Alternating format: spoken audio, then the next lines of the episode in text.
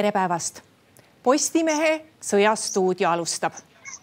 paraku on nii, et Ukraina kõrval tuleb meil täna rääkida ka Iisraelist, sest laupäeva varahommikul alustas Palestiina äärmusrühmitus Hamas sõjategevust Iisraeli vastu. meil on juba esmaspäevast saadik Iisraelis kohal Postimehe meeskond ja Margus Martin, tere päevast. tere päevast Margus, kuidas on praegu olukord Tel Avivis, kus sa oled hetkel? Tel Avivis on hetkel olukord äh, üsna rahulik, äh, kuigi äh, öösel anti samuti õhuhäireid üle riigi, siis Tel Avivis häireteavitust ei olnud kus kohas olete mujal käinud, olete jõudnud lähemale ka Gaza aladele ja mida seal nägite? Eh, eile käisime Jeruusalemmas, meil oli üks väga põnev kohtumine eestlasest politoloogi Albert Veksleriga, kellega siis õige-õige pea saab Postimehe veebis intervjuud lugeda. ja täna on meil kohe, kui selle intervjuu lõpetame, plaan siirduda lõuna poole Ashkeloni kus äh, eile olid väga massiivsed äh, raketirünnakud ja, ja palju hukkunuid. Kui äh, rääkida inimestega, kui šokeeritud kõik sellest on, et see konflikt on nüüd läinud nii kaugele, et need tulemused on ikkagi nii hullud, et ohvreid on nii palju. kui suures šokis on kogu ühiskond Iisraelis, kes ometi peaks olema harjunud sellega, et mingisugune sõjategevus käib? no Iisraeli äh, ühiskond ja inimesed on väga häiritud sellest, mis äh, toimub. Kuigi äh, tõsi ta on, et siin on ju iga kümne aasta tagant on ju Iisrael Araabia maadega sõdinud. tuli, tuli see Hamasi rünnak kõigile siiski väga suure ootamatusena ja, ja on siin tehtud väga palju etteheiteid ka minister Benjamin Netanyahu eesotsas, et, et nad ei hinnanud olukorda ja ohtu adekvaatselt, aga, aga sellele on ka oma seletus ja sellest saab ka lugeda intervjuud. õige, õige, Martin Eh, te olite ühenduses ka meie suursaadikuga ja saatkonnaga, et kuidas on praegu, nendel on kindlasti ülevaade, missugune on praegu nende eestlaste olukord, kes Iisraelis elavad, neid ei ole vähe. ja noh, praegu me oleme ju lähenema ka sellele, kus õige peatselt võib ehk minna kinni ka Iisraeli õhuruum, sest praegu enamus lennufirmasid ju enam ei lenda sinna tõsi, äh, on äh, suurem osa lennufirmasid on oma lennud kõik äh, tühistanud ja lennuühendused katkestanud. Turkish Airways, mis ka meid siia tõi Tel Avivi Iisraelisse, veel lendab. on küll tõmmatud neid lende koomale päris oluliselt, aga Turkish Airways veel lendab ja samamoodi siis käivad juba evakuatsioonilennud erinevatel riikidel Eh, ei rääkinud küll suursaadikuga, aga suursaatkonna asejuhi Robert eh, Derevskiga eh, just hetk tagasi ja ütles ka tema, et nende Eesti kodanike osas, kes siis on Iisraelisse reisinud, mitte ei ela siin, nende siis sellist koju naasmist, evakueerimist suursaatkond siis koostöös Välisministeeriumi ja teiste Euroopa riikidega korraldab, et äh, praegu räägitud koostööst äh, Poola, Saksamaa ja, ja teiste riikidega. ma tean, et on juba äh, iseseisvalt korraldamas evakuatsioonilende Taani ja Rootsi ning Lõuna-Korea on juba oma kodanikud suuremas osas Iisraelist välja viinud. aitäh, Margus Martin ja hoiame siis teiega ühendust. aitäh ja meil on stuudios Rahvusvahelise Kaitseuuringute Keskuse juht Indrek Kannik. tere, Indrek. tere. no Indrek, kui ka me nüüd juttu jätkame selle Iisraeli konflikti teemal või õigupoolest küll Iisraeli sõja teemal, siis mida me tänaseks teadme, et need see informatsioon, kas äh, täielikult on terroristid territooriumilt, Iisraeli territooriumilt välja löödud või mitte, et see informatsioon on üsna vastuoluline, et tundub, et valdav osa, valdav osa neist siiski on sealt territooriumilt ära, aga mitte vist päriselt. valdav osa on sealt kindlasti ära, aga selle kohta, kas kõik on päriselt kätte saadud või kas siiski öösel ei õnnestu mõningatel inimestel veel juurde infiltreerida sinna ennast. Lõplikku kindlust ei ole, et ikkagi veel eile õhtul vähemalt oli üksikuid kokkupõrkeid Iisraeli relvajõudude ja, ja, ja Hamasi esindajate vahel ka Iisraeli territooriumil. Ja noh, lõpuks me ei tea, mõni võib ennast kusagil suvalises kohas peita ja mingil hetkel sealt lihtsalt automaat käes välja tulla ja tulistama hakata, et seda on nagu väga raske lõpuni kindel olla, et see plats päris puhas seal nendest on, aga, aga valdav enamus neist on läinud. Operatsiooni põhisuund Iisrael keskendub praegu ikkagi sellele, et kuidas anda lööke ka Gaza territooriumil Hamasiga seotud struktuuridele. Eh, mitmest suunast Iisrael siis või mitmes suunas Iisrael tegelikult seda sõda peab pidama, sest äh, Iisraeli pihta on ju tulistatud mitte ainult Gazast. no Iisrael peab kokkuvõttes seda sõda pidama laias laastus neljal suunal. põhiline suund on praegu muidugi see Gaza ikkagi siin, see ala siin. Iisrael peab olema valmis selleks, et, et ka Hezbollah ründab riiki põhjast ehk Liibanoni territooriumilt. Iisrael peab olema valmis selleks, et rünnakuid tuleb ka Süüria territooriumilt midagi on tulnudki ja ka Liibanoni suunas midagi on tulnud, aga noh, see on minimaalsed kogused, see on selline ütleme pigem eh, PR-tegevus mõlemalt poolt siiamaani olnud, aga risk on olemas. Ja, ja noh, lõpetuseks peab Iisrael olema valmis, et olukord võib väljuda kontrolli alt ka kogu läänekaldal. Eh, see on siis teine palestiinlaste ala. Eh, Iisrael pikalt tegelikult enne sõja algust keskenduski sellele Iisraeli julgeoleku tähelepanu oli suuresti läänekaldale suunatud, see on ka tõenäoliselt üks põhjusi, miks Gazast ja Hamasi poolt tuli üllatus.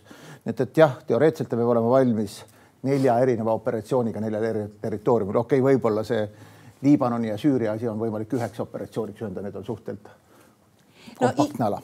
Iisraeli on ju riik, kes tegelikult on kogu aeg sõjaks valmis Eh, see raketirünnakute või rakettide arv, mis on nüüd välja öeldud, eh, see küll kõigub, see on ikkagi üüratult suur.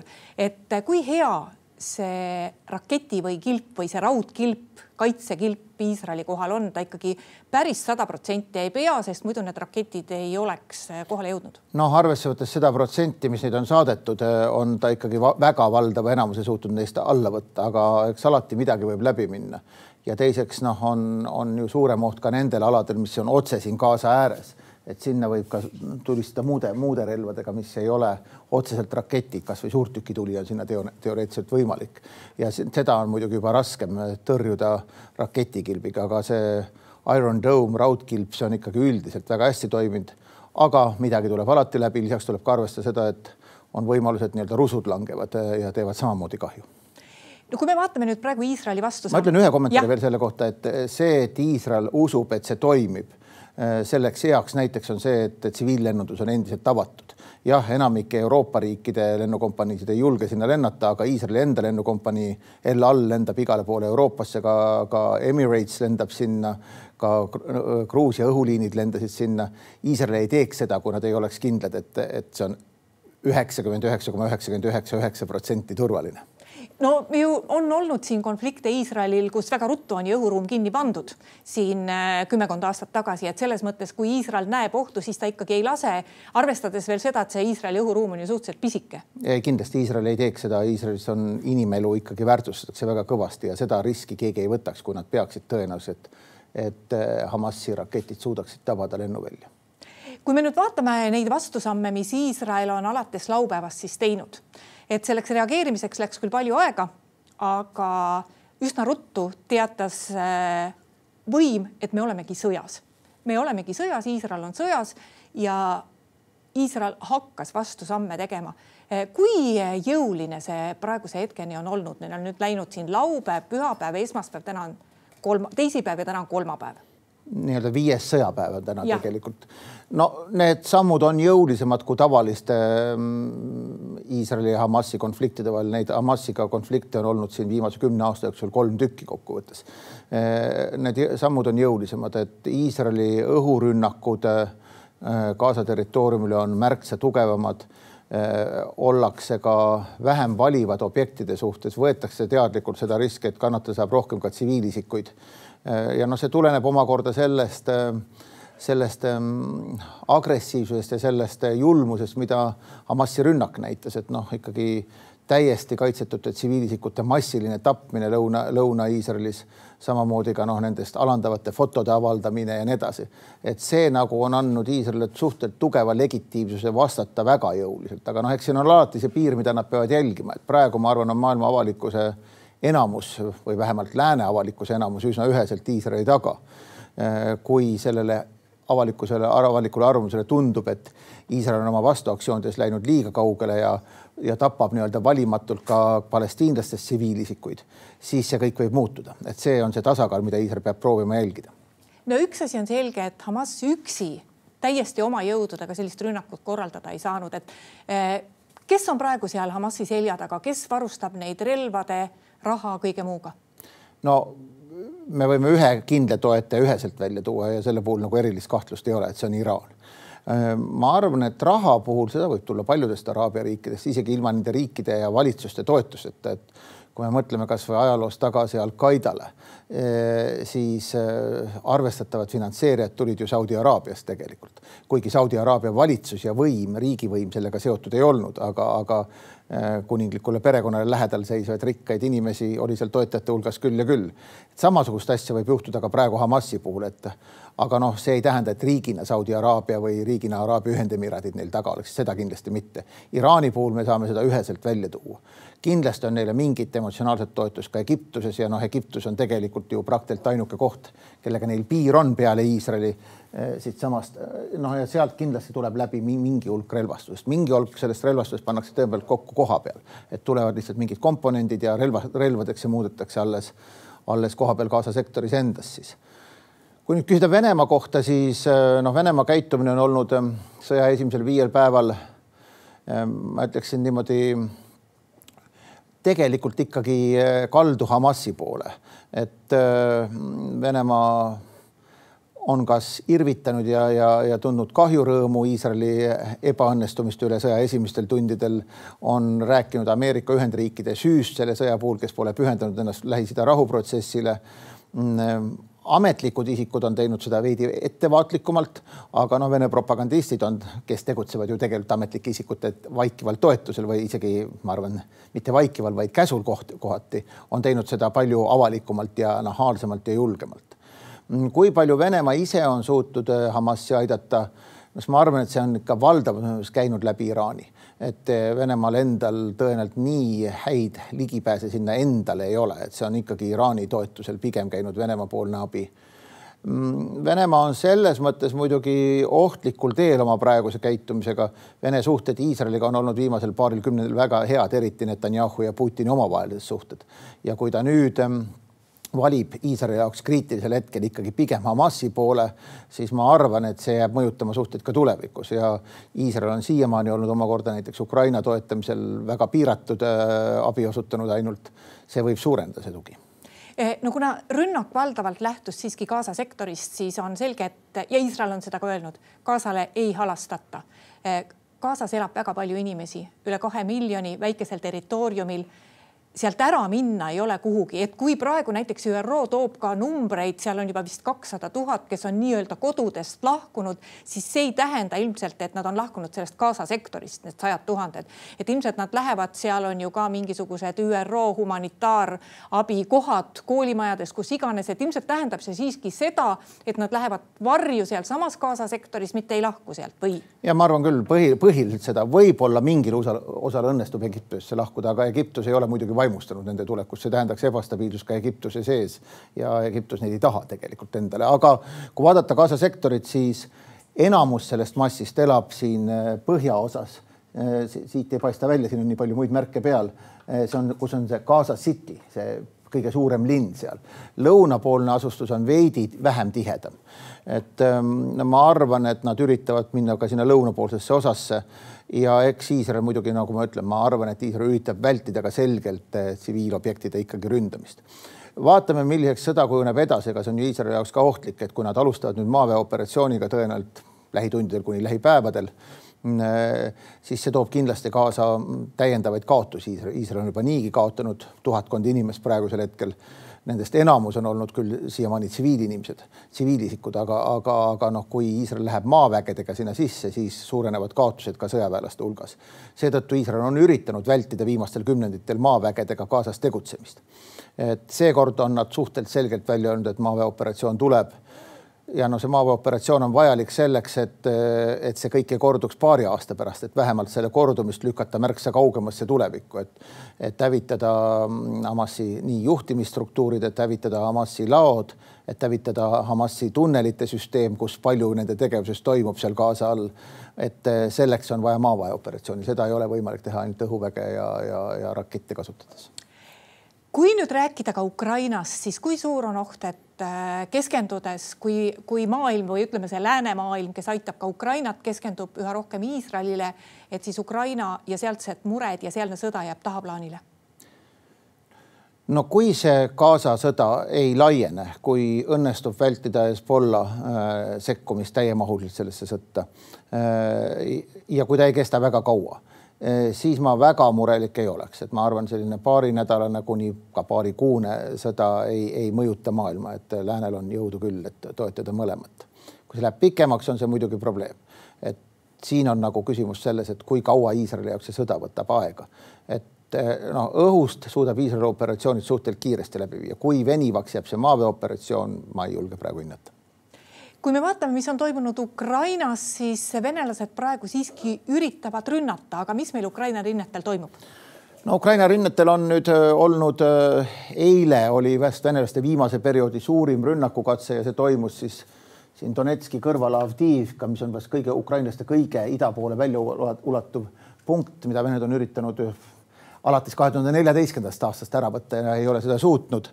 Venelased tulid seal eile suhteliselt suurte jõududega peale ja ka venelaste kaotused kujunesid kohe väga suureks, sest kui viimaste nädalate keskmine on olnud äh, kolm-nelisada inimest päevas kaotatud venelaste poole, siis eile läks see ligi üheksasajani. Ja eriti tähelepanuväärne oli tankide kaotuste arv, see oli üle kolmekümne, mis on noh, vähemalt viimase aasta jooksul võib-olla jätta välja esimesed sõjanädalad, kui Kiievi ümber neid hävitati massiliselt, neid Vene tanke, on see kõige suurem tankide kaotuse arv ühe päeva jooksul. õhtu lõpuks on seis vist see või täna hommikuks, et äh, arvestatavat edu venelased seal ei saavutanud, võib-olla paaril lõigul mõned sajad meetrid liikusid edasi, aga esialgseid eesmärke nad ei suutnud täita, saab näha, kas neil on teiseks ja kolmandaks sama suureks rünnakuks jõudu või mitte. et selle kohta praegu selgust ei ole. Ja siis lõunarindel Ukraina ikkagi vaikselt siin Tokmaki, Melitopoli suunal edeneb. Väga aeglaselt see on siis seal Robotinest kõrva, Robotinest lääne pool ja ida pool on praegu see põhiline sõjategevus Kopõne juures, mis jääb Robotinest äh, lääne poole ja, ja Verbovi juures, mis jääb Robotinest ida poole, et see on see, et Ukraina peab seal oma seda koridori laiendama, et see, kuhu nad olid edasi liikunud, see hammas hakkas kujunema liiga kitsaks ja noh, rohkem sealt otse enam edasi minna ei saanud, oleks tekkinud omakorda oht, et Vened lõikavad nende varustusteed kusagilt läbi. Nad peavad nüüd laiendama, nüüd nad tegelevad selle asja laiendamisega mõlemal, mõlemal pool Robotinit ja Novopropivkat no mida prognoosida, kas seal sellel suunal suudetakse veel enne talve edasi minna? No parim, mis võiks vist juhtuda enne talve, oleks see, kui Ukraina jõuaks Tokmakini, mis on sealt praegust rindejoonest mingi kaksteist kuni viisteist kilomeetrit erinevatest kohtadest. aga praegusi edenemistemposid vaadates mm, ma pigem ei usuks seda, ma arvan, et Ukraina tegeleb süstemaatiliselt Vene relvajõudude nõrgestamisega lõuna suunal ja noh, siin on üks versioon, miks Vened selle Avdiivka rünnaku ette võtsid, oli ka see, et et Ukraina oleks sunnitud kas Bahmuti juures, kus Ukraina edeneb, või siis lõunarindelt üksusi Avdiivka juurde viima, et Venelased tunnevad ennast ikkagi seal lõunas ebakindlalt, aga aga nende murdmine võtab seal aega no meil tuleb rääkida ka üsna kodulähedastest asjadest, ehk siis eile oli kaks suhteliselt ärevust tekitavat pressikonverentsi, ühe andis Soome valitsus, teise meie ministrid. Ja mis rääkis sellest mõne päeva tagusest uudisest, kõigepealt, et Balticconnectori juhtmega on, ühendusteega on midagi juhtunud. Ja, ja seal on füüsilised vigastused. Ja teine asi see, et meil on ka sidekaabel katki. Eh, kui palju siin eh, kogu selles loos on siiski julgeolekuohtu, et eh, kui teadlikud ollakse selles piirkonnas sellest, mismoodi sellel merel tegutseb Venemaa?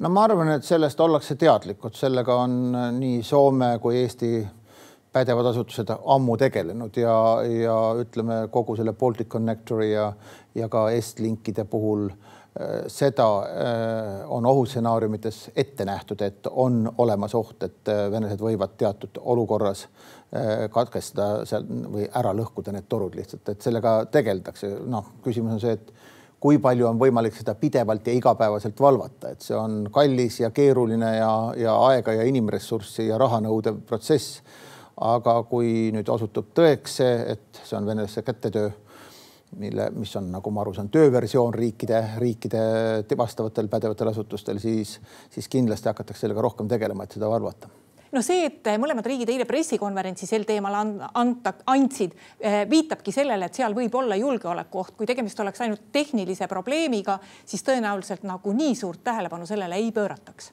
jah, see, see nii on, et äh, ma saan aru, et praegune tööversioon on ikkagi selgelt see, et see on tahtlik äh, inimeste, inim, inim, inimeste poolt tehtud operatsioon, mis on nende mõlemasse siis vigastused tekitanud.